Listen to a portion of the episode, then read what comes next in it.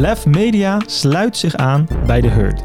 Waarom zou je je aansluiten bij een groep bureaus? Lieke van der Plas, oprichter van Lef Media, neemt ons mee in haar verhaal. Mijn naam is Alain Ik ben Fabian. en je luistert naar de Digitaal Bijpraten podcast.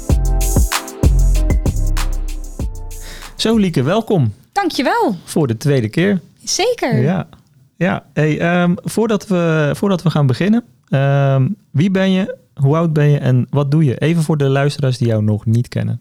Ik ben Lieke van der Plas. Ik ben bijna 27 jaar. Ik kom uit Hendrikido Ambacht. Een klein dorpje dichtbij Rotterdam. Ja, Ik zou ook Dordrecht willen zeggen, maar ik ben toch wel meer van Rotterdam. Eh, daar woon ik nu al zeven jaar. En ik ben 4,5 jaar geleden gestart met mijn eigen onderneming Lef Media. En Lef is een zakelijk vlogbureau gefocust op eh, een stukje video, storytelling. En geboren vanuit een passie voor presenteren. ja oké, oké. Hey, ehm, voor de, we gaan zo nog wat meer over jouw bureau praten natuurlijk en, eh, en over jou eh, als, en je reis als onderneemster. Maar we hebben nog vier dilemma's. Ik ben heel benieuwd. Zal ik met de eerste beginnen? Ja? Gewoon voor het gemak. Nou, eh, Spanje of Nederland? Spanje. Oh, dat, dat ging makkelijk. Dat ging ook heel snel. Ja, klopt. Ja, je, je- is je droom ook om echt naar eh, Spanje te verhuizen een keertje in de toekomst? Eh, dat weet ik niet zozeer, maar ik denk dat ik in Spanje wel op mijn gelukkigst ben. Oké. Dus of ik er per se ook echt definitief wil wonen, dat weet ik niet. Want Nederland eh, heeft toch wel lekkere, lekkerdere frikandellen. Frikandellas. Ja, frikandella's. Ehm, maar als ik eh, op, op mijn gelukkigst ben ik wel in Spanje. In de zon, kopje koffie, aan het strand. Goed. Dilemma nummer twee. Podcasts of boeken? Oeh. Ehm, ik zou graag meer boeken willen lezen, maar ik luister meer podcasts. Dus dan zou ik toch zeggen podcast. Ja. Diplomatiek antwoord wel, maar netjes. Ja, ja, ja. ja. Hoe komt dat dat je dan voor je gevoel te weinig boeken leest? Eh, te weinig tijd. En podcast luister je dan terwijl je de afwas doet. Ik Ja. heb een vaatwasser, maar dat maakt niet uit. Of eh, als je in de auto zit. Of als je schoonmaakt. Ik heb Ja. een vriend. Nee, grapje. grapje. Oké, dat heeft hij niet gehoord. Oké, oké. Nee, goed. Eh, weet jij de derde nog, Vaap? Nee, sorry, je moet echt even helpen. Oké, ik ga wel... eh, Nummer drie. Vloggen of presenteren? Presenteren. Oh, dan gaan we ook makkelijk. Ja. Dat vloggen ben ik echt gaan doen vanuit een passie voor presenteren. En in vloggen zag ik gewoon een verdienmodel. En het is hartstikke leuk het vloggen. Maar na drie, 400 vlogs heb ik die uitdaging ook wel een hele keer gezien. Ja, En ligt mijn hart toch ook wel echt bij het presenteren om dat nog meer te gaan doen. oké. En dan Eh, presenteren voor een groep of meer voor televisie of iets in die richting? Ik vind presenteren voor groepen onwijs leuk, omdat je dan ook direct interactie hebt met de zaal. Dus je kan echt eh, op de zaal inspelen en een connectie aangaan met je publiek.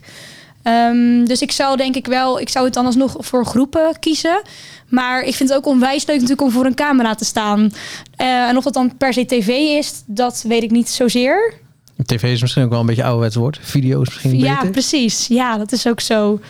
Ehm, maar eh, Linda de Mol is wel een voorbeeld, maar ik weet niet of ik er zou willen zijn. Op dit moment zeker niet, denk ik. Nee, op dit moment zeker niet. Nee. Oké, helder. Eh, laatste is, ik vermoed wel de moeilijkste. Nooit meer op vakantie of nooit meer ondernemen? Nooit meer ondernemen. Kijk, Oeh.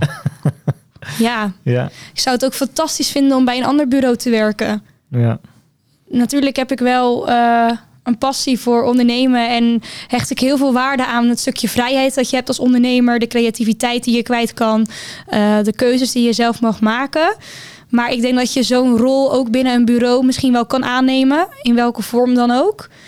En dan, ja, nooit meer vakantie betekent ook nooit meer Spanje. Dus dan, eh, Of ondernemen in Spanje. dat zou ook nog kunnen. Ondernemen onder de zon. Ja, ja. dat zou dan eh mooie, daar daar gaan we voor. Oké, oké. Mooi diplomatiek het middenweg gevonden. Precies, precies. Goed zo.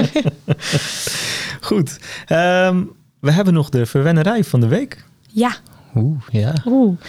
De eerste verwennerij ooit, toch? Ehm, ik heb voor jullie, ik ben speciaal net eh, langs eh, de Koekela gereden in Rotterdam Centrum. Ik heb natuurlijk eh, twee jaar, eh, nee, ik heb zes jaar lang met mijn twee beste vriendinnen in het centrum gewoond. Eén groot feest. Maar soms moest ik dan om, ik denk zes uur ochtends aan de overkant zijn. Bij de Koekela. Om de rozantjes in de oven te stoppen. De koekjes af te bakken. Want daar was ik met heel veel plezier koekjesverkoper in mijn vrije tijd. Koekjesverkoper. Ja, Was dat koekjesverkoper. je eerste, eerste baan? Of? Eh, nee, ik heb wel diverse horecabaantjes gehad. Maar ik vond dit wel echt onwijs leuk om te doen. En heel lekker. Ehm, ik denk echt oprecht dat ik ook echt 7 kilo of zo was aangekomen toen ik hier werkte. dus ik ga hem heel eventjes eh, losmaken. Het leuke is ook als ik nu nog bij Koekela kom. Het is natuurlijk nu bijna vijf jaar geleden dat ik hier voor het laatst heb gewerkt. Altijd nog krijg ik dan gratis koekjes mee. Of zijn ze nog steeds zo lief voor me. Dan denk ik, Dus we ah. hebben een gratis verwennerij. eh, Nou, jullie helaas niet, maar die Oh. van mij heb ik in de auto opgepeuzeld en die was wel gratis, ja. Lekker zeg. Ehm, ik heb voor jullie een doosje vol Oh. met allemaal lekkere koekjes. Oh jee. Kan de kijker thuis het ook zien? Ja. Je kan het alleen niet ruiken. En ehm, ik heb er eh, twee van mijn lievelings bij zitten, zodat jullie die niet hoeven te delen. Oké. En de vraag is, willen jullie die nu? Nou, wij moeten er nu wel eentje proberen. Maar Ja. ik vind eigenlijk dat jij er eentje moet geven die het best bij Alain eh, vindt passen. Ah, en eentje ja. die het beste bij mij vindt passen. Oh, dat is leuk. Ja. Nou, Alain, ik, ik dacht net heel even, eh, ben jij bruin geworden? Ben je op vakantie geweest? Heb je de zon gelegen? Eh, ik ben wel bruin geworden, maar op alle andere, alle andere vragen is het een nee. Nee, ik ben niet... Oké, eh, nu ben ik heel benieuwd. nou, ik ben- Zonnebank? ik, nee, ook niet. Nee, ik ben wel in de zon geweest. Do- eh, voetbaltoernooi heb ik gehad dit weekend. Ah. En eh, ja, dat was een heerlijk zonnetje. Nou, in dat geval zou ik zeggen, dan mag jij de brownie. De bruin. Mooi is dat één groot stuk? Ja, hij is wel Ah. heel groot. Nee, ja, oké. Maar je kan hem misschien beter door de midden doen en dat we hem dan delen. Want de rest is ook heel lekker. Ja, doe maar en er de zitten wel helft heel veel de brownie. calorieën in. Ga ik dit Ik, dan nu met eh, mijn handen zo... Ja hoor, gewoon breken. We zijn niet zo moeilijk. Eh, Er zit trouwens wel walnoot in. Je bent niet allergisch? Nee hoor. Oké. En dan ehm, voor jou... Eh, nou, dan ga ik toch voor de blondie. Omdat jullie zo'n leuke match bij elkaar zijn. De brownie. De brownie en de Blondie. blondie. Oké, Dan geef ik jou die. En dan bewaren we mijn lievelings voor het eind. Want je moet altijd het lekkerste voor het laatst bewaren, toch? Oké, oké, oké. Ik ben heel benieuwd. Alsjeblieft. Dankjewel. Oh, er zit wel chocola in. Zie je. Ja, klopt. Dus- Het is eigenlijk een witte brownie, maar met chocoladestukjes. Oeh. En hoe smaakt die? Nou, Hij smaakt erg eh, machtig en lekker. Ja, Ja, het is heel machtig, ja. zo'n hele zou wel echt... eh, Killing zijn. ja, daar, Heb je, daar heb je gelijk even eh, een uurtje rust nodig, zeg maar. Ja, Oké, ja, zeker lekker. Je hebt de, de lat hoog gelegd voor de, voor de volgende gasten die langs gaan komen en die iets mee moeten nemen. ja. Mm. Dus ehm, Lekker. eet smakelijk. Ja, dank je. Dankjewel. Lekker met de mond vol hier zo. Goed voor een podcast dit. Slim hè, zo'n verwennerij. Dat Ja, zou ik ook, zeker, eh, zeker, zou ik ook kunnen verzinnen. Ja. Goed. ehm, we, hebben, we hebben een aantal topics opgeschreven waar we met jou over willen hebben. Ik denk dat het goed is om te beginnen eh, bij Lef Media zelf. Ehm, en laten we echt bij het begin beginnen. Want eh, hoe, ehm, hoe ben jij tot het idee gekomen om ja, Lef op te richten en het te maken van, van wat het is? Ja, naast dat ik dus eh, twee dagen in de week bij de Koekela werkte, werkte ik ook drie dagen in de week op de marketingafdeling van de Euromast. Dat was zeg maar mijn serieuze baan. Mm. En dan twee dagen in de week vond ik het gewoon onwijs leuk om niet op kantoor te zitten, maar in contact te zijn met de mensen. Voor mezelf te zorgen dat iedereen met een extra koekje de deur uitging. Eh echt eh, connectie aan te gaan met alle vaste klanten in de winkel. Dat vond ik fantastisch. En bij de Euromast was ik een beetje vastgeroest in mijn werk. Ik heb een communicatieachtergrond. Ik heb communicatie gestudeerd aan de Hogeschool Rotterdam. Ehm, maar ik merkte toch dat ik daar niet helemaal tot bloei kwam. Dus toen ben ik voor mezelf weer na gaan denken van wat vind ik nou leuk om te doen? Waar krijg ik wel energie van? En dat kwam voor mij neer op een stukje presenteren en een stukje verhalen, eh, verhalen presenteren. Ehm, en toen ging ik ook nadenken, was wel heel grappig, van wat is dan mijn eerste actieve herinnering aan het feit dat ik het leuk vind om te presenteren en verhalen te delen. En ik ging zo ver mogelijk terugdenken en toen dacht ik dus aan groep 1. Dat is Oké. heel, heel Nou, lang hoe oud ben je dan? Vijf? Zoiets, denk Ja? ik. Ja. Oké. Ehm, dan had je namelijk elke maandagochtend, dan gingen we in de kring zitten. En dan mocht iedereen het verhaal vertellen wat ze in het weekend hadden meegemaakt. En ik weet nog dat ik dat altijd zo fantastisch leuk vond om en te luisteren naar al mijn medeklasgenoten, wat zij hadden beleefd en hadden meegemaakt. En dat ik in het weekend al dacht van, oh, dit kan ik dan maandagochtend vertellen. en dat vond ik dan helemaal fantastisch. Ik denk dat dat misschien mijn eerste actieve herinnering is geweest. En ik ben daarna nog altijd bezig geweest met. Um, uh, ik vond het heel erg leuk om te zingen. En dan schreef ik mijn eigen liedjes en te dansen en op het podium te staan. Um, nog steeds zingen? Nog steeds ja, liedjes? nou, onder de douche en in de auto. Okay, okay. Maar uh, nee, die carrière die heb ik opgegeven. Maar dat is nog steeds wel echt een gemis. Het lijkt me echt zo fantastisch om in een musical te spelen. Ja? Dat was echt mijn droom. Maar niet per se om musicalster te worden, maar gewoon één keer je helemaal zo uitlaat, zo'n musical. Maar goed, dat, uh, dat, uh, dat heb ik naast me neergelegd. Maar dat kwam voor mij neer op een stukje presenteren. En toen dacht ik, hoe ga ik dat presenteren dan in mijn rol bij de Euromast toevoegen, zodat ik mijn baan weer leuk vind.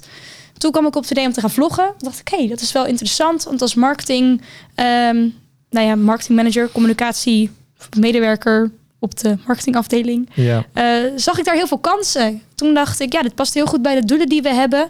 Uh, en als ik nu als marketeer achter de schermen kan laten zien wat we allemaal nog meer doen voor leuks, dan kunnen we op een hele leuke manier onze doelgroep meenemen in het verhaal van de Euromast.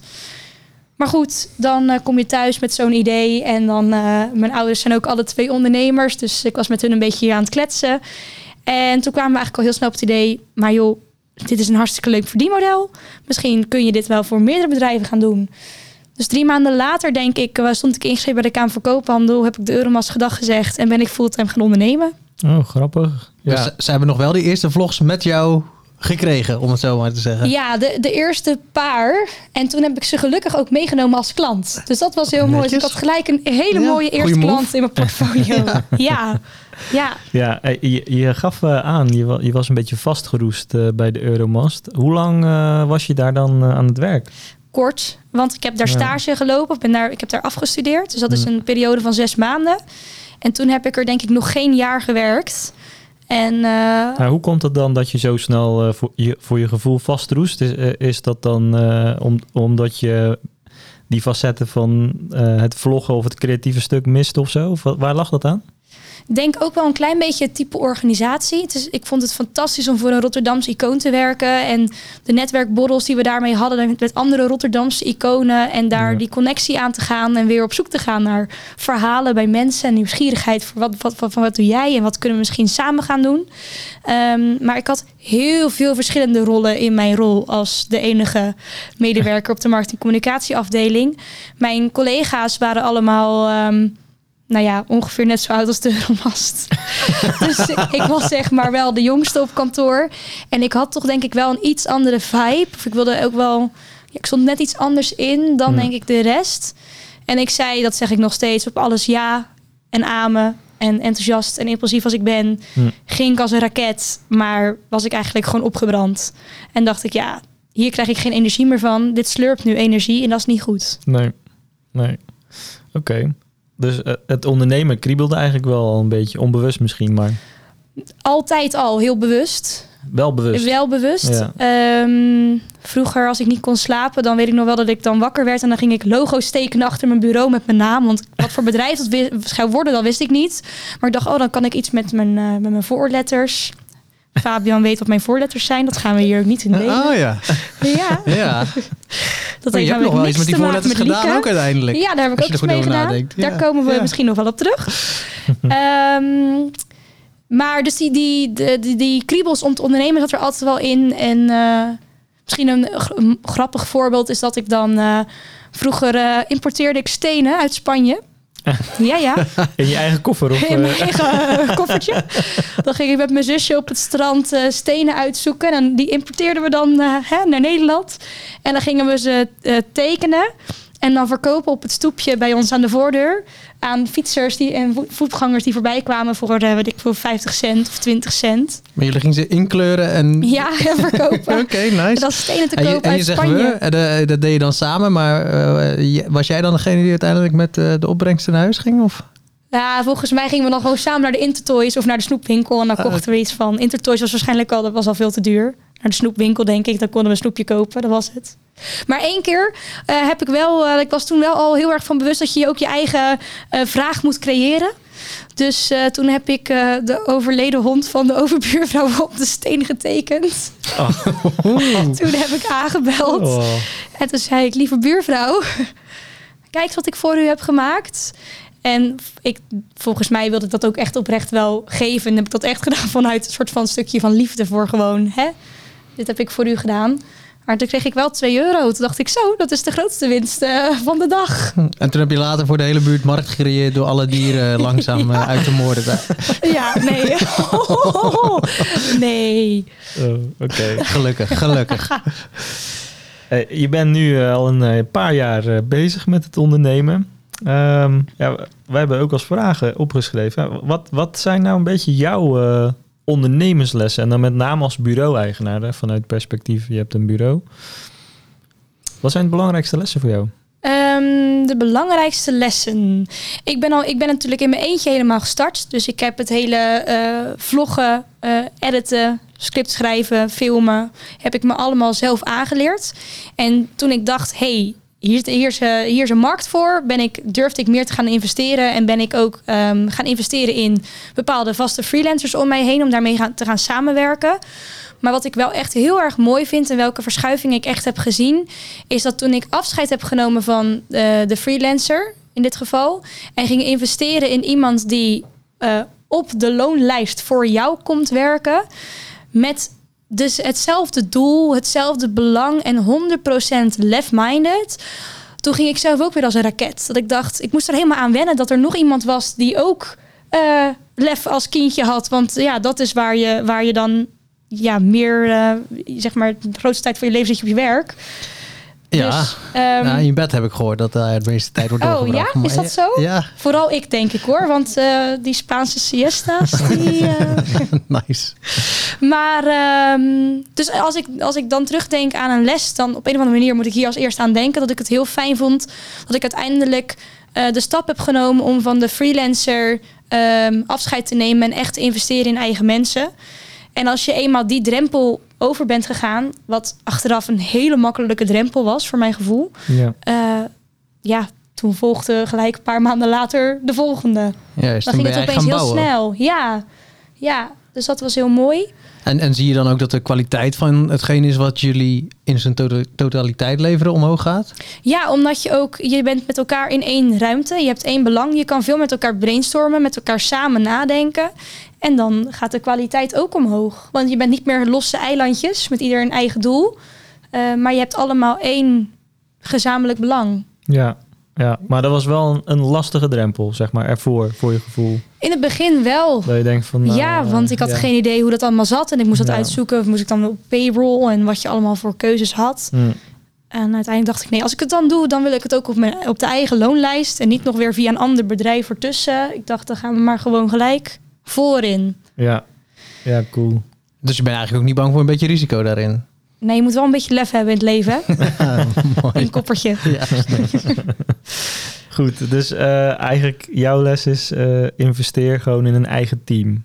Ja, Ja, als je kijkt naar een bureauleven in ieder geval. Ja. zeker weten. Ja, dat heeft je veel gebracht. Ja, En eh, nog andere lessen waarvan je zegt, van, nou, die, die zijn ook de moeite waard om te delen?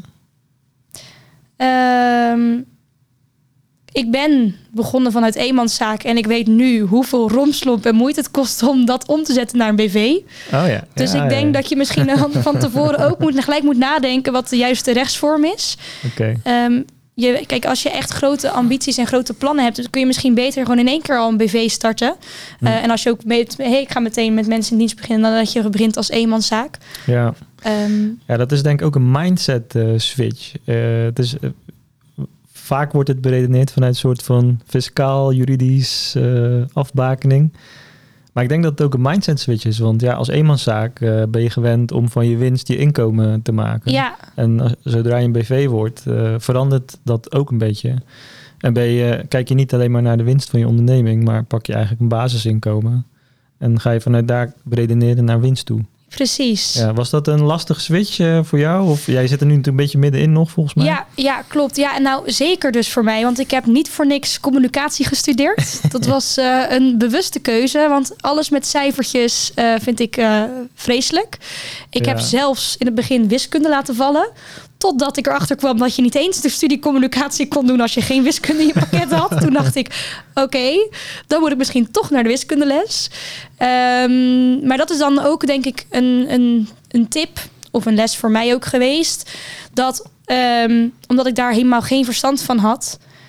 eh, oh ja, ik weet nog heel goed dat er een brief van de Belastingdienst op mijn deurmat viel. Dat ik 5000 euro moest betalen omdat ik mijn BTW-aangifte niet had gedaan. Ik had nog niet eens omzet gemaakt. Het was gewoon, dat was zeg maar, ik was net ondernemer. Zeggen, welkom. Paniek. Ja, Welkom, Ja. leuk dat je onderneemt. Precies. Hier heb je een factuur. Alsjeblieft betalen. 5000 euro. Nou, dat had ik nog niet eens op mijn spaarrekening staan. Ja, Ik dacht echt, help, wat is dit? Ehm, en toen dacht ik, oh ja, dit is ondernemen. Dit hoort er ook allemaal bij. ja. Dus ik heb toen ook wel de juiste mensen om me heen gezocht die me daarin konden adviseren. En een eh, ehm, economielesje gevolgd bij Angelique, Juist. de moeder van een vriendin van mij, die mij vrij, vrijblijvend heeft geholpen. ja. En die ging me uitleggen wat dan precies de activa en de passiva en je liquide middelen en wat het allemaal inhield. ja. Ja, maar dan heb je dan stiekem nog best veel geleerd. Eigenlijk meer Heel denk ik dan dat je in, in economie of, of wat dan ook op eh, de middelbare school en later eventueel zelfs op het eh, eh, HBO of andere Ja, vervolgopleiding dit, krijgt. dit leer je niet op school. Nee. Dit leer je in de praktijk. Ja. Vind je het nu wel leuk? Ehm, op het moment dat ik het ook begrijp, dus dat ik zeg maar in mijn hoofd verbanden kan leggen, dat had ik vroeger bij de wiskundeles ook, dat ik dacht opeens, oh, mijn uitkomst klopt, dan vind ik het fantastisch leuk. ja. Eh, maar zodra het te moeilijk wordt en ik snap het niet, dan eh, dingen die ik niet snap of dingen die ik niet kan, vind ik ook niet leuk. Net zoals Ja. bowlen, dat kan ik niet, vind ik ook niet leuk dus. Ja, je Ja. kan van die, eh, Oké, oké. je kan wel van note. die eh, dingen aan de zijkant zetten bij boven. Ja, maar dat is natuurlijk vreselijk op je 27ste. dat je elkaar kon zetten met van die rekjes aan de zijkant. En doe je dan ook zo tussen je benen die bal gooien, zo in Ja. plaats van eh, met de vingers. eh, Vind ik ook allemaal maar weer krampachtig en zo. Ja, ja. Dus eh, nou, ik ga nooit mee bowlen. Mooie side note. Ja, Mooie side note inderdaad.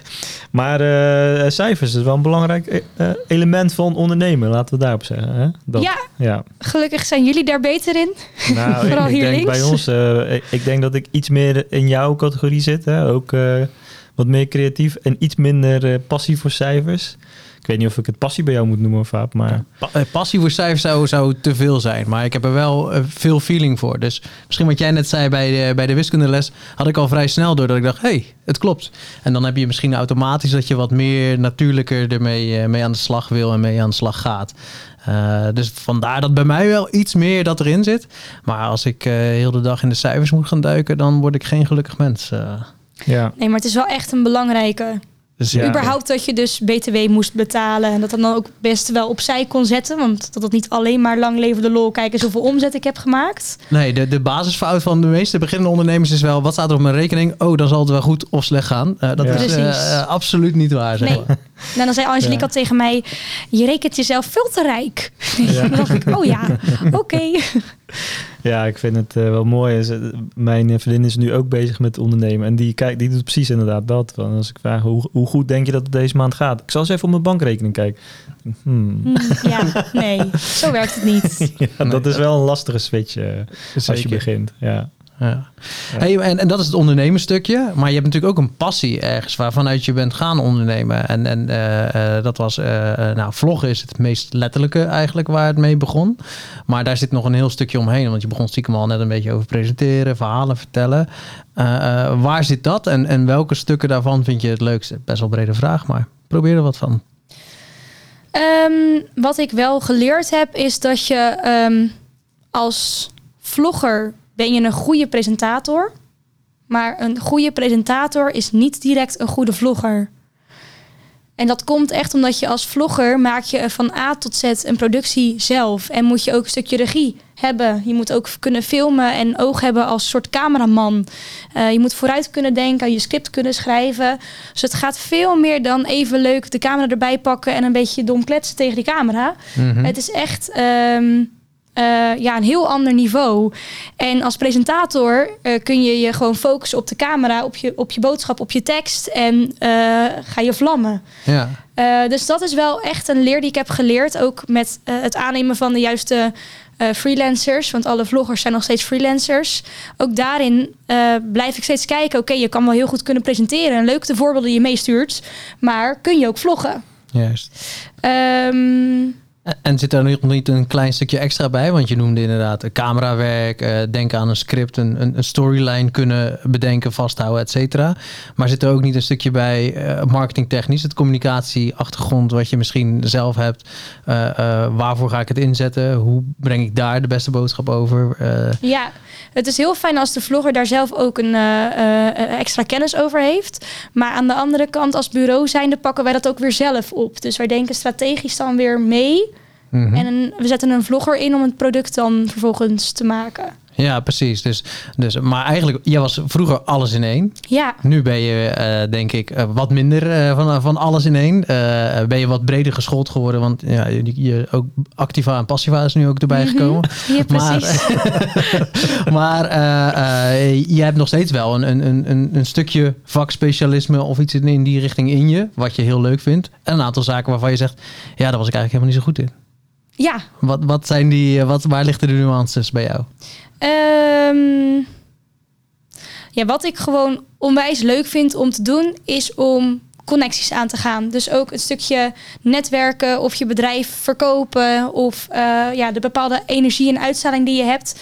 Ik denk dat het ons heel erg typeert als bureau dat we, ehm, denk ook de mensen met wie we werken, allemaal een bepaalde eh, ja, misschien wel eens heel stom te zeggen, maar misschien wel een soort passie voor het leven hebben. Je moet gewoon naar je werk gaan, er moet een twinkeling in je ogen zijn. Je moet het leuk vinden wat je doet. Eh, je moet een bepaald doel hebben. En als je dat vlammetje in je niet hebt, dan, eh, ja, dan probeer ik echt wel eens naar mensen te kijken en te denken: oh, come on, weet je, word wakker. Ja, Ehm dit is helemaal geen antwoord meer op je vraag, maar dat geeft eh, niet. Ik vind het wel interessant. ja, dus ik vind het heel erg belangrijk dat mensen een bepaald vlammetje in zich hebben en dat je die passie voelt. En als je die passie niet hebt, ga alsjeblieft op zoek naar iets anders. Zoals ik zelf dus ook heb gedaan bij de Euromast. Ik dacht, hé, hey, dat vlammetje is op en ik moet weer op zoek naar dat vlammetje. Mhm. Ehm, en eh, mijn vlammetje is dus ook echt om eh, connecties aan te gaan. En ehm, op zoek te gaan naar, de, naar die verhalen vanuit een bepaalde nieuwsgierigheid en interesse in het leven dat ik heb. Oké, ja, super mooi. En ik denk ook dat dat wel een van de dingen is. Wij hebben natuurlijk al vaker met je gewerkt, maar ook met, met andere eh, klanten al, al samengezeten. Volgens mij vindt iedereen het altijd super leuk om met lef te werken. Dat is een soort eh, eh, cadeautje wat je krijgt zeg maar, in, eh, in, je, in je werkweek. Als, nou, meestal werken we met marketing of communicatiespecialisten. Dat die denken, ja, dit, dit is echt heel leuk. Ik mag deze week weer aan de slag met lef. Ja. Dat zie ik wel heel veel terug. Ja, Is- en ik hoop ook echt dat iedereen dat zo voelt. Omdat ik dat zelf ook echt heel erg belangrijk vind. Ja, en, maar hoe zorg je ervoor dat dat er altijd is? Ehm, dat is een goede vraag, want soms is het er ook niet. En ik denk dat je het niet per se moet forceren, want je hebt allemaal wel zo'n kutdag, Zeker waar, ja. zeg maar. Maar als, dat is dus alleen op de korte termijn. Want als het er voor de lange termijn niet is, dan moet je gaan zoeken, zowel bij de klant als, of, als bij je medewerker, naar de juiste oplossing. En misschien kom je erachter dat dan de puzzel opeens niet meer, niet meer past. En is dan ook het eindproduct minder goed? Ehm, ik denk dat je dat stiekem wel gaat zien. Ja. Sowieso ook eh, bij, bij een vlogger misschien. Die heeft nog wel iets meer acteerskills. Want als presentator moet je soms ook gewoon een klein beetje acteren. Eh, maar ook als we mensen bij een bedrijf moeten interviewen die dat vlammetje ook niet hebben. Ja, dan ga je dat ook niet kunnen overbrengen, die boodschap. Ja. Nee. Oké. Hey, en, en dan, dan binnen dat, dat geheel, wat, wat eh, eh, eh, ik merk dat jou het verhalen vertellen heel erg de passie is. En, en, maar er zaten ook nog wat andere zaken aan. Je noemde bijvoorbeeld acteerwerk, maar je montage, camerawerk, al dat soort dingen. Daar hoor ik je minder over. Is dat ook hetgene waarvan je zegt dat dat vind ik wel interessant en daar heb ik zeker wel een gevoel bij, maar is niet waar je kracht ligt? Ehm, ja, dat denk ik, ik. Ik denk dat ik daar misschien dus me minder in heb ontwikkeld. Als in, daar ligt niet de hoofdfocus. Maar doordat ik aan het vloggen ben, ben je juist heel erg bezig met video. En ben je, je hebt, misschien kom je thuis en heb je 70 verschillende fra- fragmenten die je aan elkaar moet knippen tot een verhaal. En we kijken daarin ook met de editor. Kijk, ik ben, ik ben geen, ik, ik, ik kan editen in Premiere Pro. Want dat heb ik mezelf aangeleerd.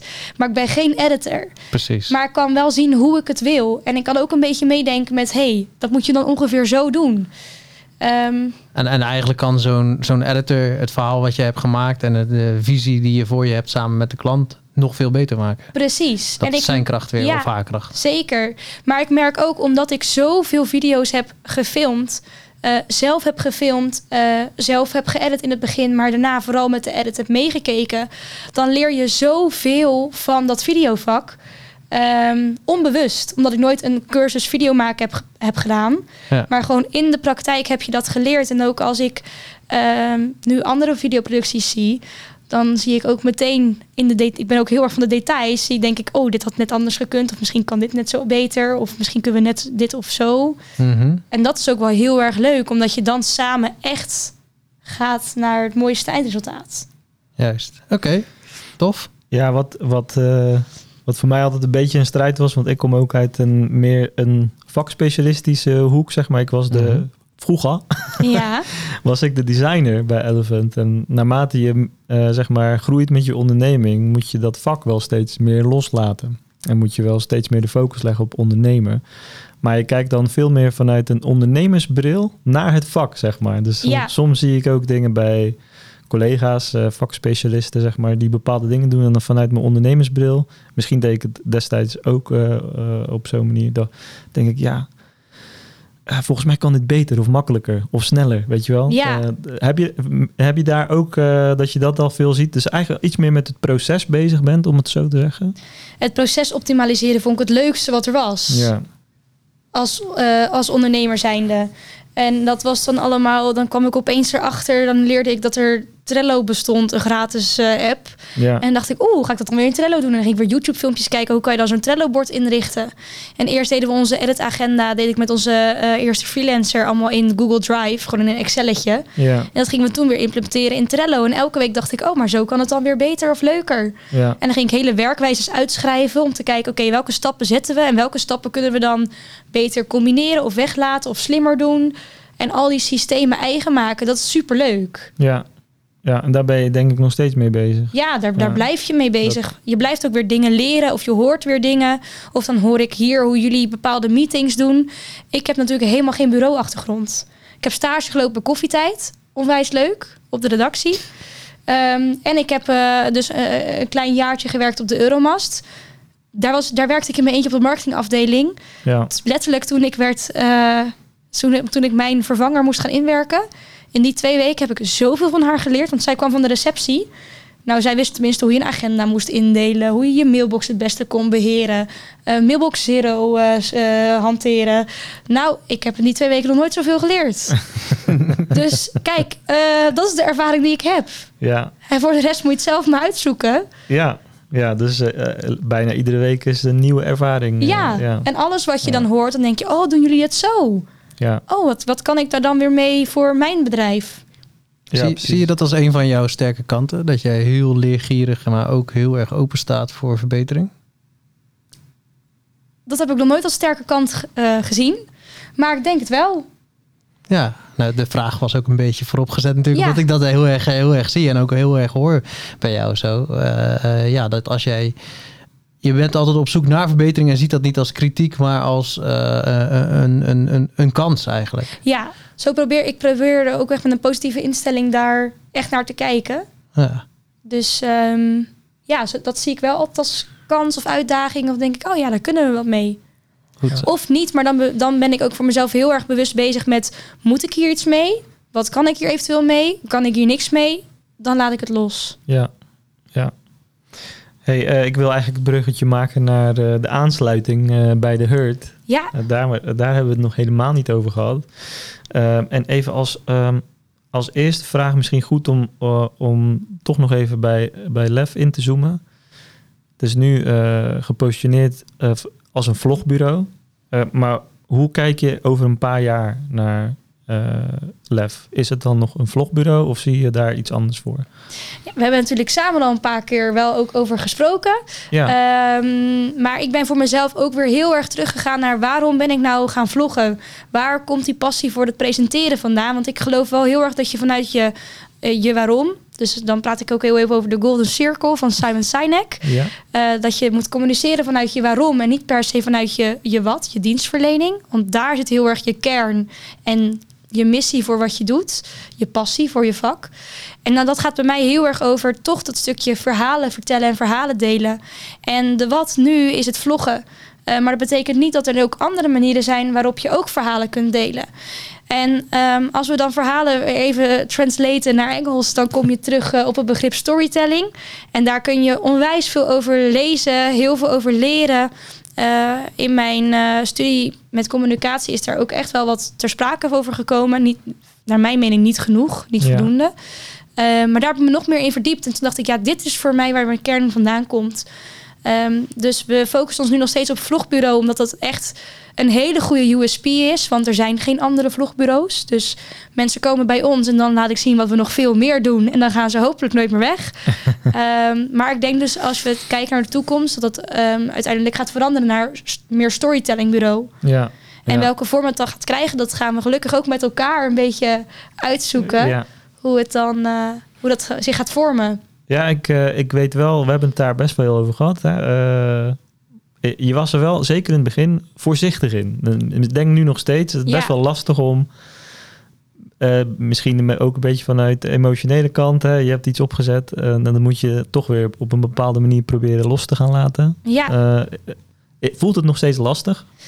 Het voelt als een grote uitdaging, omdat storytelling ook weer een heel breed begrip is. Ja. En ik denk in het storytellingvak zijn er, zijn er nog veel meer eh, experts, dus ook meer concurrenten. Ja, En hoe blijf je eh, expert binnen jouw domein en hoe ga je het eigen maken? En dat is natuurlijk weer ook het leuke van het ondernemen met de vrijheid en de keuzes die je zelf mag maken daarin. ja, Eh, en het zoeken en het eh, iets opzetten, experimenteren, op je bek gaan en weer doorgaan. ja, Eh, dus het wordt nog een hele leuke reis, denk ik. ja. Maar misschien dat ik daarom ook een- dus enigszins voorzichtig ben. Van wat ik denk wat voor grote uitdagingen er staat te wachten. ja. Maar goed, ja. ik hou van uitdagingen, dus het komt ook wel weer goed. Ja, het maakt het wel wat schaalbaarder, denk ik. je Dat, business. dat wel, Omdat je meerdere format eh, gaat eh, opzetten als het goed is. precies. Ja, En eh, aan de andere kant geloof ik er gewoon nog heel erg in dat het vloggen echt nog een USP is. Waar we echt heel veel op gevonden worden nu. ja, En ook echt zo als expert worden gezien. En ik denk dat we daar nog zoveel meer uit kunnen halen. ja, Dus denk ik dat het ook nog geen. Dat, dat, nu ook nog een, gewoon een goede strategie is. ja om, om die positie vast te houden. Ja. Ja, Ja, het is wel herkenbaar hoor. Want wij, eh, to- destijds dat, toen wij Elephant op eh, hadden gericht, waren wij ook heel specifiek op WordPress eh, Ja. bureau. En daar, daar hebben wij de eerste groeigolf Zeker. ook in meegepakt. Hè? En op een gegeven moment kom je erachter dat de klant meer wil. Ik denk dat jij dat ook vaak genoeg eh, ziet.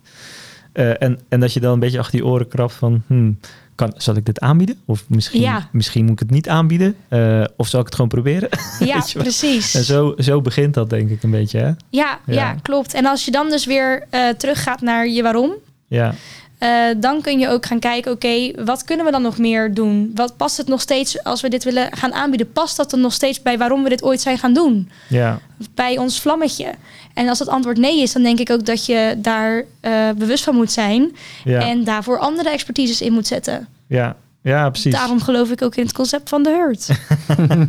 Mooi bruggetje. Ja. Mooi bruggetje, ja.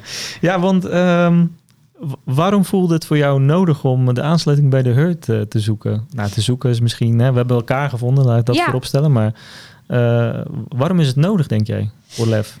Ehm, het, eh, net het voorbeeld dat ik eigenlijk net al gaf, is dat ik dus eigenlijk zelf helemaal geen ervaring heb. Ik Hm. ben een bureau gaan starten zonder enige ervaring. Met mijn kleine werkervaring die ik heb. Inclusief Ja. koekjes verkopen bij de koekela.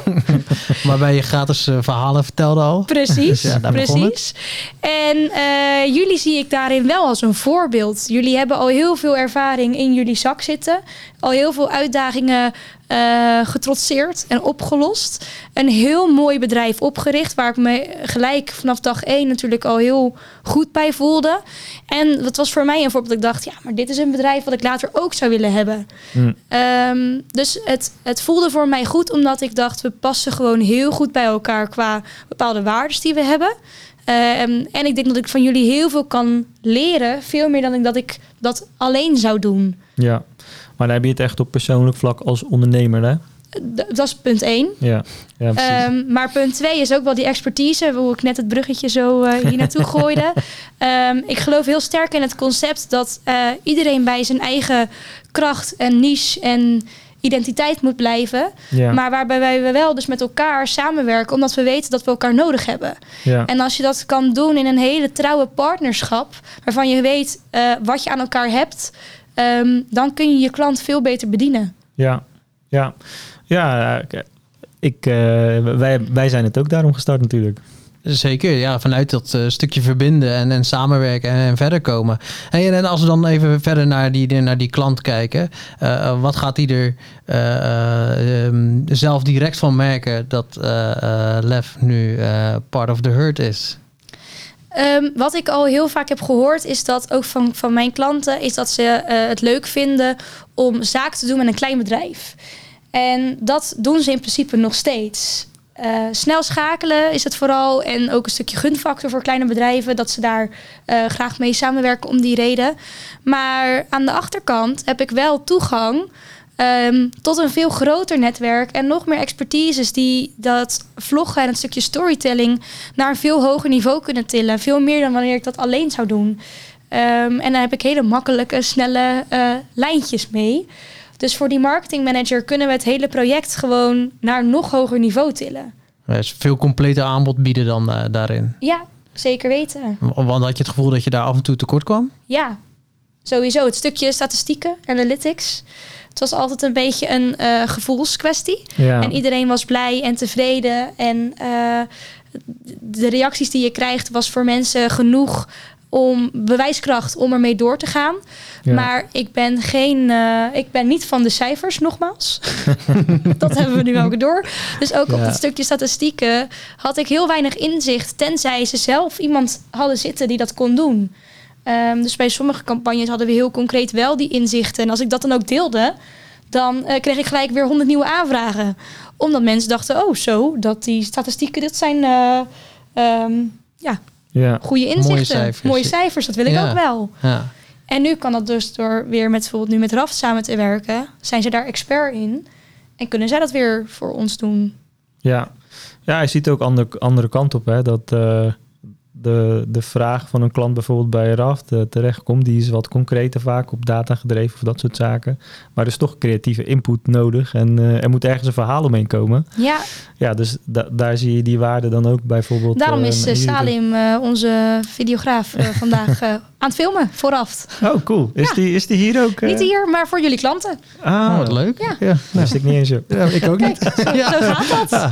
Ja, een vloeiende samenwerking Ja, nu al. precies. Ja, perfect. Goede communicatie. Zeker, zeker. Ja, leuk man.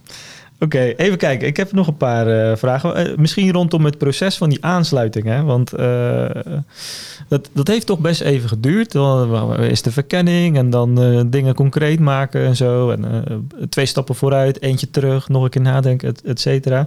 Even hoog over, hè? hoe heb je dat ervaren, dat proces voor, van de aansluiting?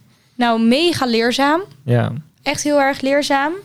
Ehm, en ik vind ook, ik vond het ook heel fijn dat jullie kunnen heel goed de vraag achter de vraag eh, bij mij neerleggen. Dus ik ben zelf ook weer voor mezelf op nieuwe inzichten daardoor gekomen. Of voor mezelf ook weer die vraag gesteld van waar wil ik dan heen? Waar zie ik mezelf? Hoe ga ik het aanpakken? Dus ook een klein stukje weer uitzoomen. En ook weer echt een soort van, dat noem je toch eh, in en aan je bedrijf werken. Zodat je weer ja. eh, Juist. aan Ja. je bedrijf werkt in plaats van in je bedrijf alleen maar bezig zijn. En dat is natuurlijk als ondernemer het leukste wat er is. ja. Dus dat stukje uitzoomen, daarnaar kijken, dat vond ik onwijs tof. Dus ehm, eh, dank voor die inzichten en die kritische vragen daarvoor. Ehm, maakt het ook heel leerzaam. Ehm, ja, Ja, maar oké, dat, dat, dan heb je het iets meer over misschien onze, onze rol als, eh, ja, tussen aanhalingstekens business coach, hè, een sparringspartner voor de kwesties die je hebt. Maar voor de aansluiting waren er natuurlijk ook wel wat belangen, eh, eh, enerzijds eh, voor ons en wat belangen aan jouw kant. En dat, dat geeft ook weer een andere dynamiek dan gecoacht worden door ons. Zeker. En ja, hoe, hoe heb je daar tegen aangekeken? En, en je hebt natuurlijk ook om je heen wat hulp moeten verzamelen van, en, en advies van andere invalshoeken dan alleen maar met ons. Hoe, hoe is dat allemaal gaan voor jou? Ja, eh, de eerste keer dat, dat jij natuurlijk opbelde van... hey, wij hebben interesse in een x eh, procent eh, aandeel in LEF.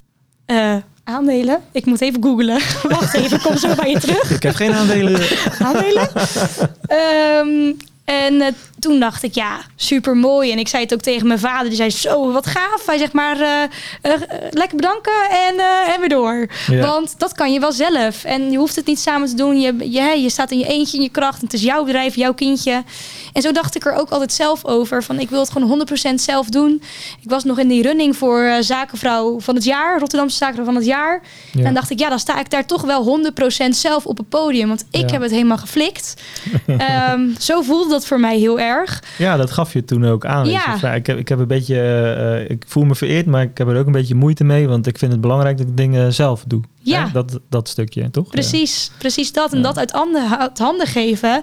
Dat was denk ik voor mij het langste proces om daaraan te wennen. Het was echt even wennen aan het feit van... hey, hoe zou het zijn als ik het samen zou doen? ja. En eh, daarmee was een soort van het eerste... ehm, hoe noem je dat? Het eerste... Gesprek, eerste haakje. Ja. Er zaadje geplant? Ja, het er- eerste zaadje was geplant. Ja.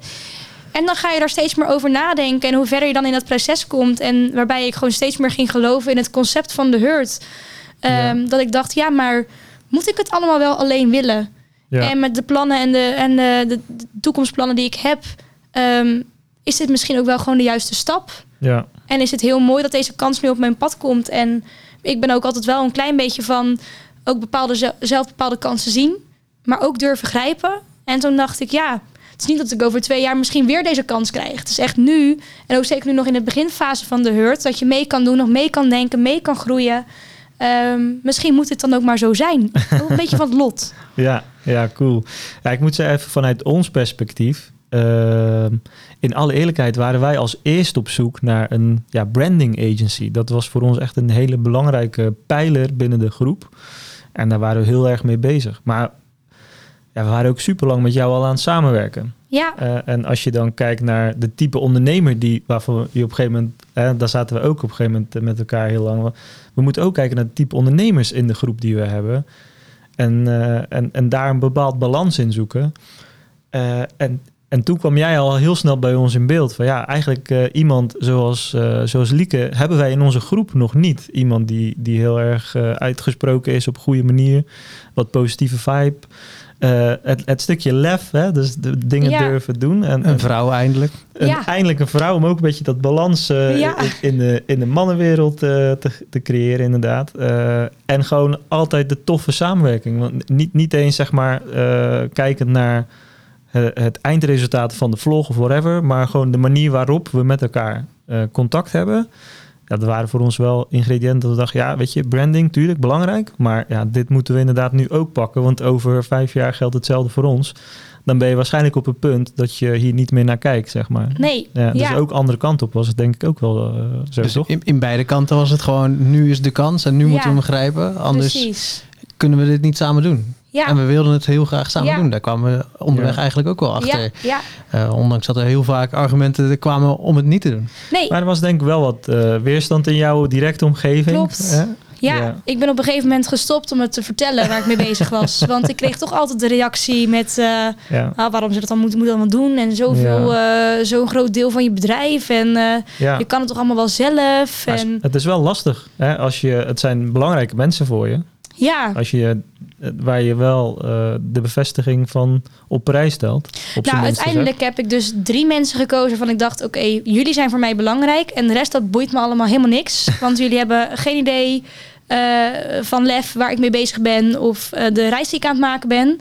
Eh, maar dus ik heb drie mensen gekozen. Mijn vader, mijn vriend en dus weer Angelique. Angelique, ja. Eh, Angelique moet ook maar even deze podcast luisteren. de rots in je branding. Ja, precies. en ik dacht, als zij achter mij staan, Ja, dan voelt het voor me goed. En dan, dan ga ik ervoor. En ik heb het altijd heel fijn gevonden dat jullie zelf ook dat hebben gezegd. Wij willen dat die mensen achter je staan. Want anders dan ehm, sta je er nooit zelf met 100% achter. Nou, het is, het is meer, denk ik, als het eh, een moeilijk... Ergens komt er ook een moeilijke periode. Dat zal ongetwijfeld gaan gebeuren. Eh, en als die belangrijke mensen dan niet achter je staan... dan worden de tijd in die moeilijke periodes... wordt het alleen maar moeilijker. Ja, precies. Want dan krijg ja. je een beetje de... Ja, misschien zwart-wit hoor, maar ik, ik zei het toch. Ja. Ik, ja, ik wist dat het ging gebeuren. Weet je wel? Ja, ja. Dat, wil je, dat wil je echt niet. Dat wil je Nee. echt niet. Nee, Nee, dat, je wil dat ze dan ook nog achter je staan. precies. Ja. Absoluut. Dan moeten ze juist je steun zijn op het moment dat het even wat minder is. Even eh, dat je denkt, ja, ik, ik zoek nu ook die hulp. Ja, dan moeten zij er zijn, staan om, om je verder te helpen. En niet om dan je nog verder naar beneden te trekken. Eigenlijk van, ja, je hebt de verkeerde keuze gemaakt. Want ja, dan, ja. Ja, dan is het einde gauw zoeken. En dan, wordt, dan gaat niks meer lukken, zeg maar. klopt. Dus ja, voor, voor ons dat, maar dat geldt voor, voor eigenlijk iedereen die wij eh, eh, in de hurt hebben. En dan niet alleen op ondernemersniveau, maar ook alle mensen die binnen de bureaus van de hurt werken. Ja, het thuisfront moet ook wel een beetje achterstaan waar jij zit, waar, jij, eh, waar je mee bezig bent, zeg maar. dat, je, dat je die steun kan vinden thuis. Want als dat niet zo is, ja, dan zijn maar de kleinste dingetjes die ergens fout gaan, die al voor nare en rare gesprekken Ja. gaan zorgen. Ja, ja, helemaal waar. Ehm, ja, dat even over het proces, tenminste. Voor- Ik, ik heb geen andere vragen meer over het proces staan. Nou, ik ook niet. Dus eh, laten we er lekker verder gaan. Ja. Want ik, ik heb ook, ben wel een beetje nieuwsgierig. Misschien ging jij hem al, al gelijk nu opgooien. Maar ik ben ook wel heel erg nieuwsgierig naar van... eh, we hebben het net over je klanten gehad. Eh, eh, wat gaat er voor hun veranderen? Eh, eh, nou, dan gaf je, gaf je eigenlijk aan... Ergens verandert er helemaal niets, want het blijft gewoon eh, eh, lef, eh, vol leven, eh, direct, eh, klein en, en, en eh, zoals je gewend bent, maar met meer expertise, meer slagkracht en eh, eh, eh, ja, meer mogelijkheden. Mhm. Uh, maar dan hebben we eigenlijk ook jouw medewerkers en toekomstige medewerkers. Ja, Stel ik nu jouw vraag? Eh, ja. Nee, nee maakt, maakt niet uit. Dit was de vraag, zeker. Ja. Ehm, nou, ik denk ook dat het voor hen een hele mooie stap is. Ehm, sterker nog, heel grappig. Voorheen werkte ik natuurlijk wel nog met een freelancer die ook projectmanagement bij ons deed. En toen ik zei over jouw eerste telefoontje, toen zei ze meteen: Ja, dat moet je doen en daar gaan we voor en leuk en dan kunnen we groeien met meer mensen en la la la. En ik dacht echt alleen maar, ja, nee, mijn bedrijf, ik geef het niet weg. Ik ga niet samenwerken op die manier. Ehm, en toen merkte ik wel al dat er dus bij haar een bepaalde behoefte was om die stap wel te zetten. Ehm, ik denk omdat je dan ook een bepaalde groei kan versnellen. En we zijn nog zo'n klein bedrijf en zo'n klein team, wat ook heel mooi is. Ehm, maar zelf heb ik ook altijd wel een wat groter team bij elkaar gezien. Maar om dat proces ook helemaal goed te managen, dat iedereen tevreden is, ehm, eh, ja, dat dat allemaal goed gaat, daar heb ik gewoon hulp bij nodig. En ik denk dat ehm, de aansluiting met de Hurt dat één kan gaan versnellen met de plannen die we hebben, maar twee ook op een hele juiste, gebalanceerde manier kan gaan doen. En jij hebt heel veel verstand ook van een stukje, jij waarschijnlijk ook, maar kijk even jou aan. eh, van een stukje HR, waar we ook mee bezig zijn, met het stukje salarishuis. Ja, dat had ik in mijn eentje nooit ehm, eh, kunnen betekenen. En je wilt toch ook de mensen die bij je zitten een bepaald perspectief kunnen bieden. Ja. Dus ik denk dat dat heel veel eh, voordelen gaat opbrengen. Plus het feit dat je... Je hebt er eigenlijk gewoon een handjevol collega's bij. In Dordt. Ja. Ja, nu nog in Dordt allemaal. Maar Misschien in de toekomst ook nog wel op hele andere plekken. Dus Ja. eh, daar zijn we natuurlijk ook nog steeds mee bezig. Maar eh, eh, ja, je hebt, je hebt zeker een, een stuk collega's erbij. En wat, wat ik het leuke eraan vind, is hoe wij dat als bureaus samen doen. In plaats van onder één groot merk te gaan zitten en met z'n allen in één kantoor. Waardoor je een hele andere dynamiek krijgt. Blijven we gewoon allemaal kleinere bureaus met hun eigen dynamiek. Maar we gaan elkaar constant opzoeken om dat extra stukje kennis te kunnen delen. geïnspireerd te raken. Eh, een, een iets groter feestje een keer te geven dan, eh, dan de kleine borrels.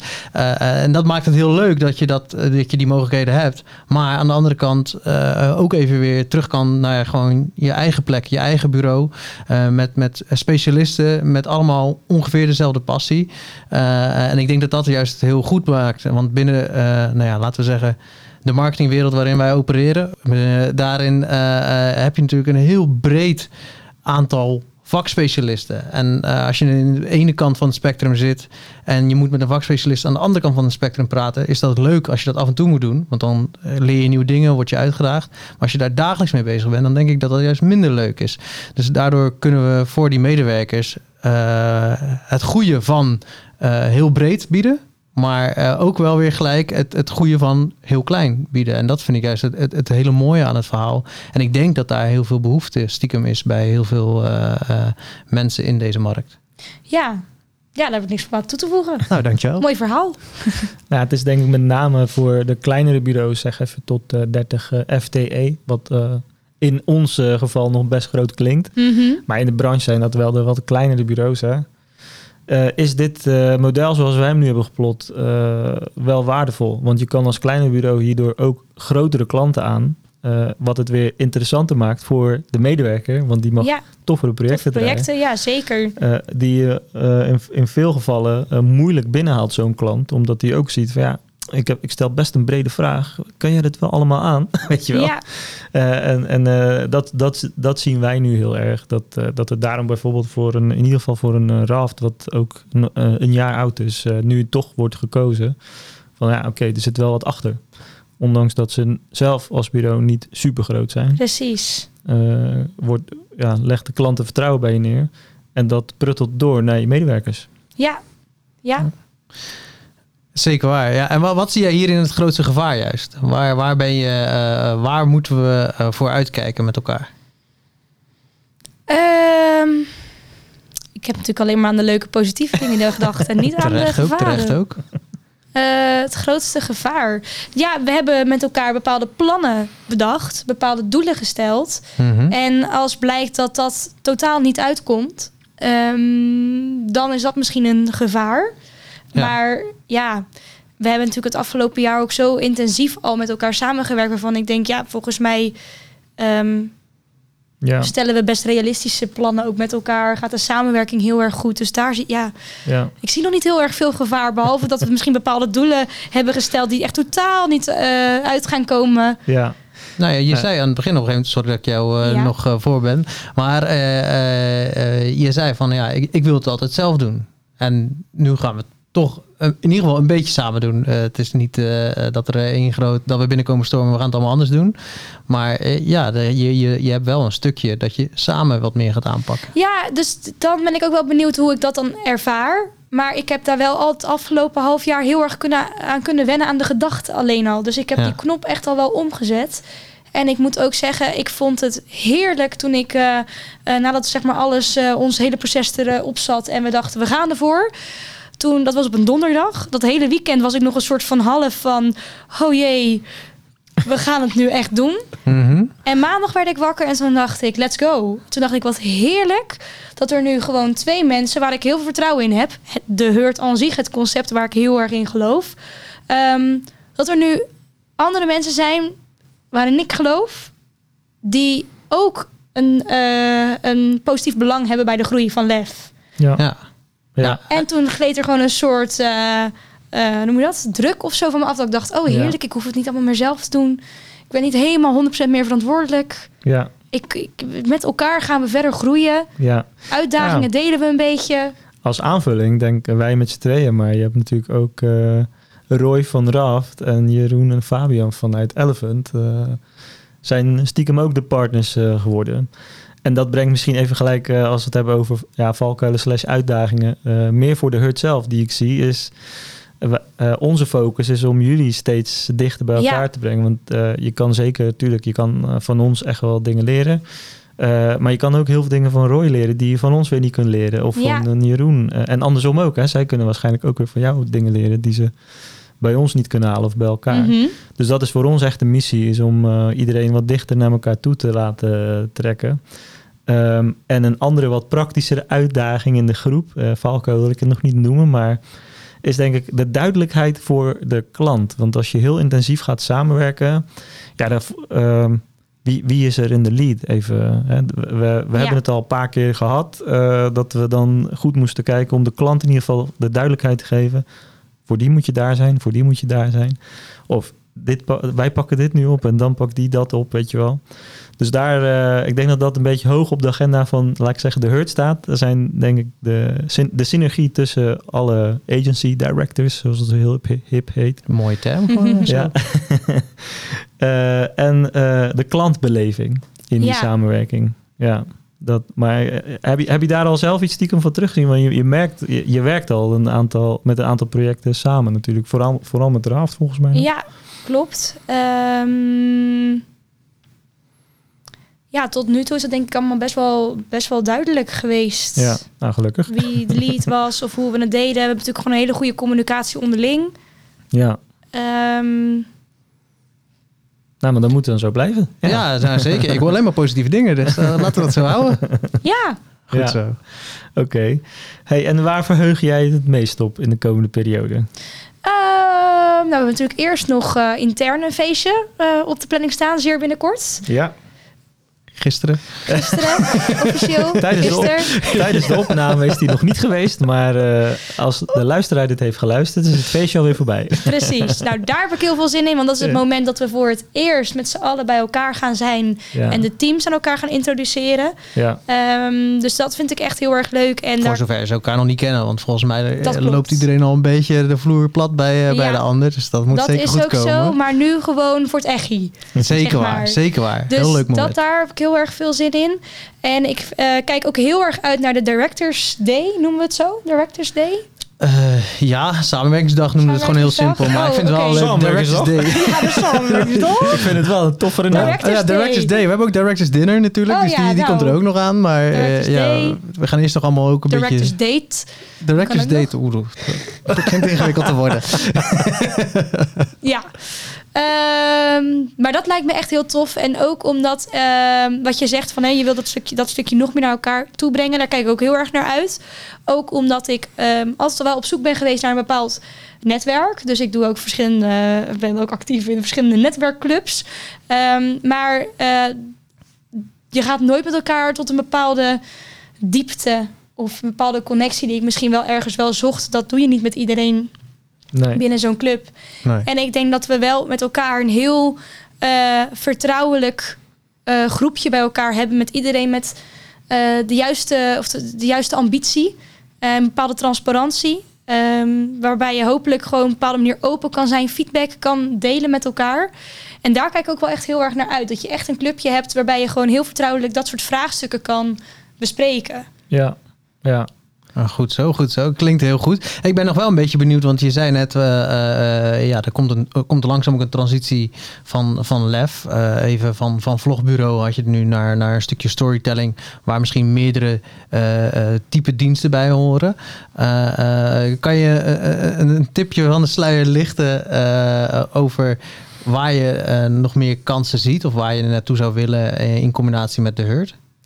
Denk terug naar een stukje de basis. Dus wat we steeds meer al doen, is dat we steeds meer strategisch gaan nadenken. In plaats van dat er dus een vraagstuk binnenkomt met: hey, we willen graag 1, 2, 3 of 4 vlogs eh, afnemen voor dit. Dat we heel even teruggaan naar: oké, maar waarom wil je dat dan? En is dan überhaupt een vlog wel de juist, het juiste middel? Mhm. Eh, of heb je dat alleen maar gehoord vanuit van je dochter van Enzo Knol en dacht je: hey, leuk. Ja, precies. Ja. Hier kunnen we wat mee. Eh, dus dat we heel even teruggaan naar de tekentafel, zoals je dat noemt. noemt. En dat we dan ook dus echt storytelling-wise mee kunnen gaan denken naar... oké, wat is nou eigenlijk je verhaal? Wat wil je vertellen? Ehm, en hoe gaan we dat dan doen met de juiste vormen van content? Dus ik denk dat daarin een vlog een hele belangrijke is. Omdat dat een... Ja, goed. eh, ik kan hier natuurlijk nog uren blijven vertellen over waarom een vlog goed werkt. Maar even in de basis, dat is natuurlijk een hele authentieke vorm van storytelling. Omdat het heel persoonlijk en eh, dichtbij is qua content. Ehm, maar het is zeker niet het enige juiste middel. Het moet juist in de hele strategie eh, moet het onderdeel zijn. Dus we zetten ook bijvoorbeeld al eh, foto's, fotografie in of andere soorten videocontent. Ehm, voor een ander bedrijf zijn we ook gaan kijken, kunnen we een stukje social media daarbij gaan oppakken. Ehm, maar altijd wel weer met de valkuil, ja, ik wil geen social media bureau worden. We moeten Ja. wel weer echt terug naar die storytelling. En vanuit daar gaan kijken, wat kunnen we gaan creëren. Ja. Ja, het moet bij, eh, eh, stopt het bij jou bij management eigenlijk? Dus management van de kanalen even. Ja, dat eh, lijkt me vreselijk. Ja, Ja, Duidelijk. ja, ja. En daar moet je juist weer een ander voor aansluiten in die, in, die, in die combinatie. Ja. goed Ja. zo. oké. Heb jij nog vragen voor ons eigenlijk, Lieke? Je hebt de hele vragenvuur van ons gehad, maar Zeker waar.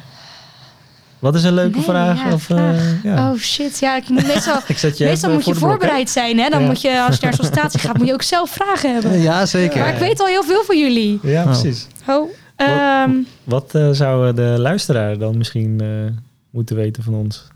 Dan moet je even vanuit jouw achterban denken. Hè? Want, Dan neem ik nog een stukje van mijn, van mijn koekelaarkoek. Ja, neem dat. Neem er even de tijd voor. Ehm, nou, oké, ik heb een vraag. ja. Oké. Ehm, nou, misschien wat dan ehm, precies jullie rol is binnen de hurt. Hoe zien, hoe zien jullie dat? En hoe gaan jullie onze directors allemaal aansturen en zorgen dat we dichter bij elkaar gaan komen? ja, goede vraag.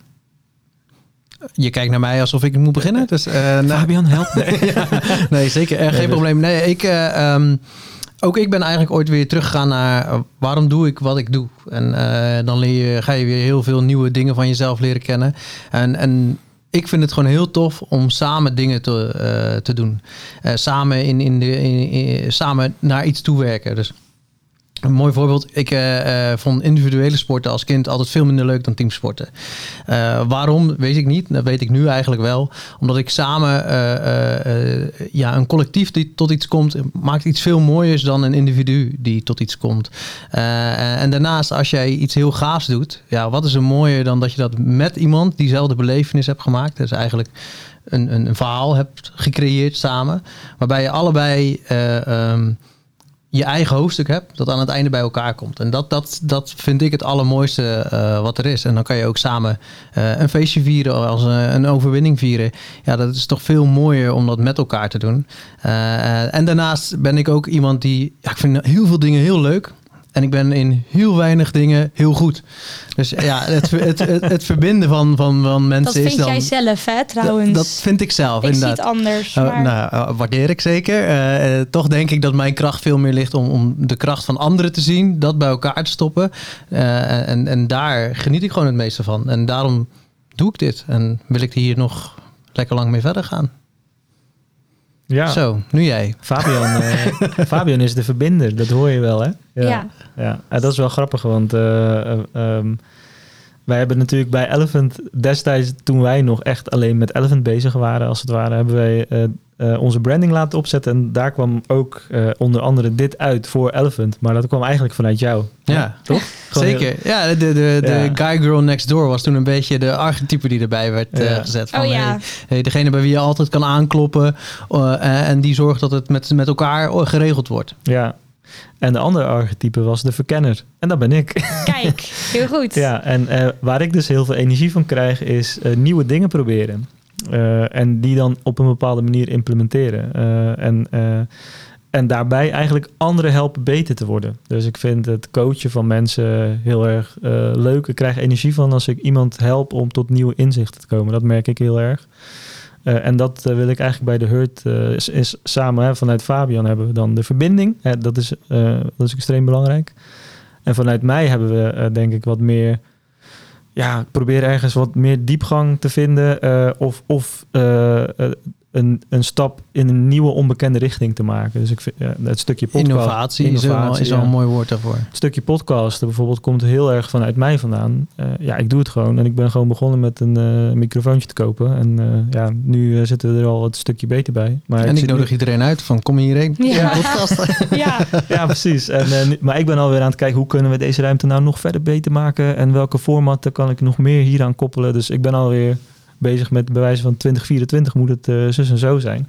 Eh, en als je die twee dingen koppelt eh, binnen de Hurt, dan kunnen wij heel veel doen voor ondernemers van agencies die hier niet zoveel tijd voor hebben. Want die zijn gewoon bezig met het runnen van een agency. Hè? Werken in je bedrijf in plaats van aan je bedrijf. En ik denk dat wij dat zeker voor de kleinere agencies, hè, want uh, hoe groter de agency, hoe makkelijker het wordt om aan je bedrijf Mhm. te werken, omdat je natuurlijk de mensen kunt vinden die het gaan managen voor je. Maar als je een kleine agency hebt, is dat best lastig, want je moet gewoon ook meters maken als bureau-eigenaar in een kleine agency. Ja, dan is het wel eh, relaxed als je partners hebt die toch nog even jou eruit kunnen halen en daaromheen nog wat eh, eh, ondersteuning kunnen bieden. mooi. Eh, dan heb ik nog één laatste vraag. Een bonusvraag. Een bonusvraag. Ehm, hoe was het voor jullie om een deel van je bedrijf te verkopen? Want dat hebben jullie, die stap hebben jullie zelf ook gezet. Zeker. Ehm, eerst dacht ik van, oh, dat hoeven wij eigenlijk helemaal niet. Dat was Ja. de allereerste gedachte van, ja, nee, we gaan gewoon, eh, we gaan ons overal inkopen, maar we gaan niks verkopen. Maar eh, toen eh, hadden wij, gelukkig ook wij hebben weer, weer coaches. En er kwam er eentje die zei, ja, maar dat kan toch niet? En toen dacht ik, oh, hoezo kan dat niet? Toen zei hij, nou, heel simpel. Als jij wil vermenigvuldigen, moet je eerst leren delen. Kwam die met die mooie wijsheid. Toen dacht ik, ja, wat is er nou weer voor tegeltjeswijsheid? Toen dacht ik, ja, is wel waar. Waarom zou iemand zeg maar eh, eh, met ons mee willen bouwen als wij niet bereid zijn ook te delen? Toen dacht ik ja, en waarom ben ik eigenlijk niet bereid te delen? En toen werd het heel lang stil en toen dacht ik, nou ik ben eigenlijk wel bereid om te delen. Ja, En zodoende dachten we van ja, uh, dacht ik in ieder geval voor mezelf. Ja, ik heb hier eigenlijk helemaal niet zoveel moeite mee. En als je ook kijkt um, vanuit, nou ja, we zijn ongeveer twee jaar geleden echt, echt uit die operatie van Elephant gestapt. Uh, hangt er altijd nog wel er overal een paar dingen waar je mee bezig bent of waar je bij betrokken bent. Maar dat is nu ook heel snel heel veel minder aan het worden al. Tot bijna niks eigenlijk op dit moment. En ik heb daar eigenlijk geen moeite mee. Sterker nog, ik zie bij Elephant een groei ontstaan die nooit had gekund als wij daar nog hadden gezeten. Nee. En uh, stiekem krijg ik ook die feedback terug van een aantal mensen die daar al wat langer werken. Die zeiden van, hé, hey, ja, er zijn wel weer nieuwe dingen gekomen. En, en dat is heel goed. En, en ja, ik, uh, ja, daarom heb ik eigenlijk niet zo heel veel moeite mee om, om dan ook weer te delen. Ja, als er maar genoeg is, kan je heel veel delen. Precies, mooi. Dank en indirect gelijk een complimentje denk ik aan uh, Jeroen en Fabian 2. Zeker, zeker, zeker waar. Ja, nee, ja. Maar, maar dat is het ook. Hè wij hebben een droom, maar dat is niet alleen onze droom. Dat is ook een beetje jouw droom. Maar, ja. maar allemaal hebben we onze eigen vorm van die droom. Ja. En dat komt ook weer samen ergens. Maar we kunnen niet zonder elkaar. Nee. We hebben elkaar daar keihard in nodig. Dus ja, we moeten elkaar ook heel erg die ruimte geven om tot die stappen te kunnen komen. En ik weet zeker met deze mensen, met uh, A, hun, hun ambities, maar ook hun, hun gevoel, hun, menselijkheid, ook richting de medewerkers bijvoorbeeld. Maar ook uh, hun expertise op allemaal hun eigen uh, uh, onderdeeltje weer. Ja, dat maakt het tot een heel krachtig team. En, en ja, dat, nou ja, je, je ziet het, ik word helemaal blij van. Ja. En ik, ja, daar word ik echt enthousiast van. De verbinder gaat helemaal gelukkig. Ja, zeker. ja, het heeft wel, uh, het heeft wel een lange weg uh, gehad hoor. Zeker. Uh, zeg maar dat wij van 100% binnen Elephant werken naar eigenlijk operationeel niet meer daarbij betrokken zijn geweest. Want voordat Jeroen en Fabian zeg maar die rollen overnamen, hebben we het daarvoor ook één keer of twee keer geprobeerd. Dat is niet goed gelukt. En daar hebben we echt wel een aandeel in gehad, hè, achteraf. Zeker. Dat je juist wat moeite hebt met loslaten, ja. maar daardoor ook niet iemand anders volledig in zijn kracht zet. Of misschien gewoon een verkeerde persoon zet die met de verkeerde ambitie. Uh, of met te weinig zelfkennis, maar vanuit ons dan ook krampachtigheid. Weet je, dat, dat herken ik wel terug. Dus uh, het heeft wel een lange. Het, het was niet één keer uh, schieten, nee. het was gelijk raak. Dus wij, wij zijn er op de achtergrond best lang mee bezig geweest met uh, vallen en opstaan. Maar dat, ja, dat waren achteraf ook wel. Uh, in die tijd dacht je van: God, Samme, ik wil hier gewoon grote frustraties. En je hebt het gevoel dat je vijf stappen terug aan het doen bent, continu. Maar als je er nu naar terugkijkt, hè, dat is al lang geleden. Denk ik ben wel blij dat het ook weer gebeurd is. Want ja, dat zijn de dingen waar je het meest van leert, uh, ja. hebt geleerd eigenlijk. Ja. ja, dus ja, heel leerzaam geweest ook voor ons. En, uh, en nu kunnen we het veel soepeler ook laten verlopen door die fouten destijds, denk ik. Ja, mooi. Nou, goed zo. Ik ruik chocola, jongens. Ik, ja. Al de hele tijd. Ik denk dat we er ook zijn. Uh, dus uh, laten we hem lekker afsluiten en uh, nog een lekker chocolaatje eten. Nou, ben Precies. ik wel benieuwd wat nou jouw favoriet was. Even ja, heel snel dan. dat is dan de Magic Cookie Bar. De Magic Cookie Bar? Ja, en dan zou je denken, dit, dit kijk, ik zal hem er even uithalen.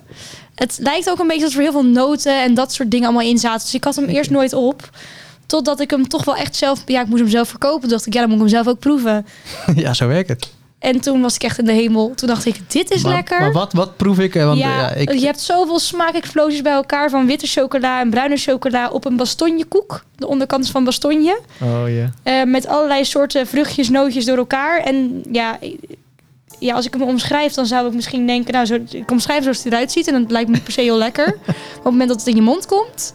Oh. Dan is het één groot feest. Oké. Okay. Dus uh, hij uh, doet ik ben je verbazen. Oké, okay, oké. Okay. Wij gaan hem zo eens even proberen dan. Mm -hmm. Hij wordt al een beetje zacht. Nou, uh, laten we lekker hapjes nemen. En dankjewel voor dit gesprek, Lieke. Jullie bedankt. Yes.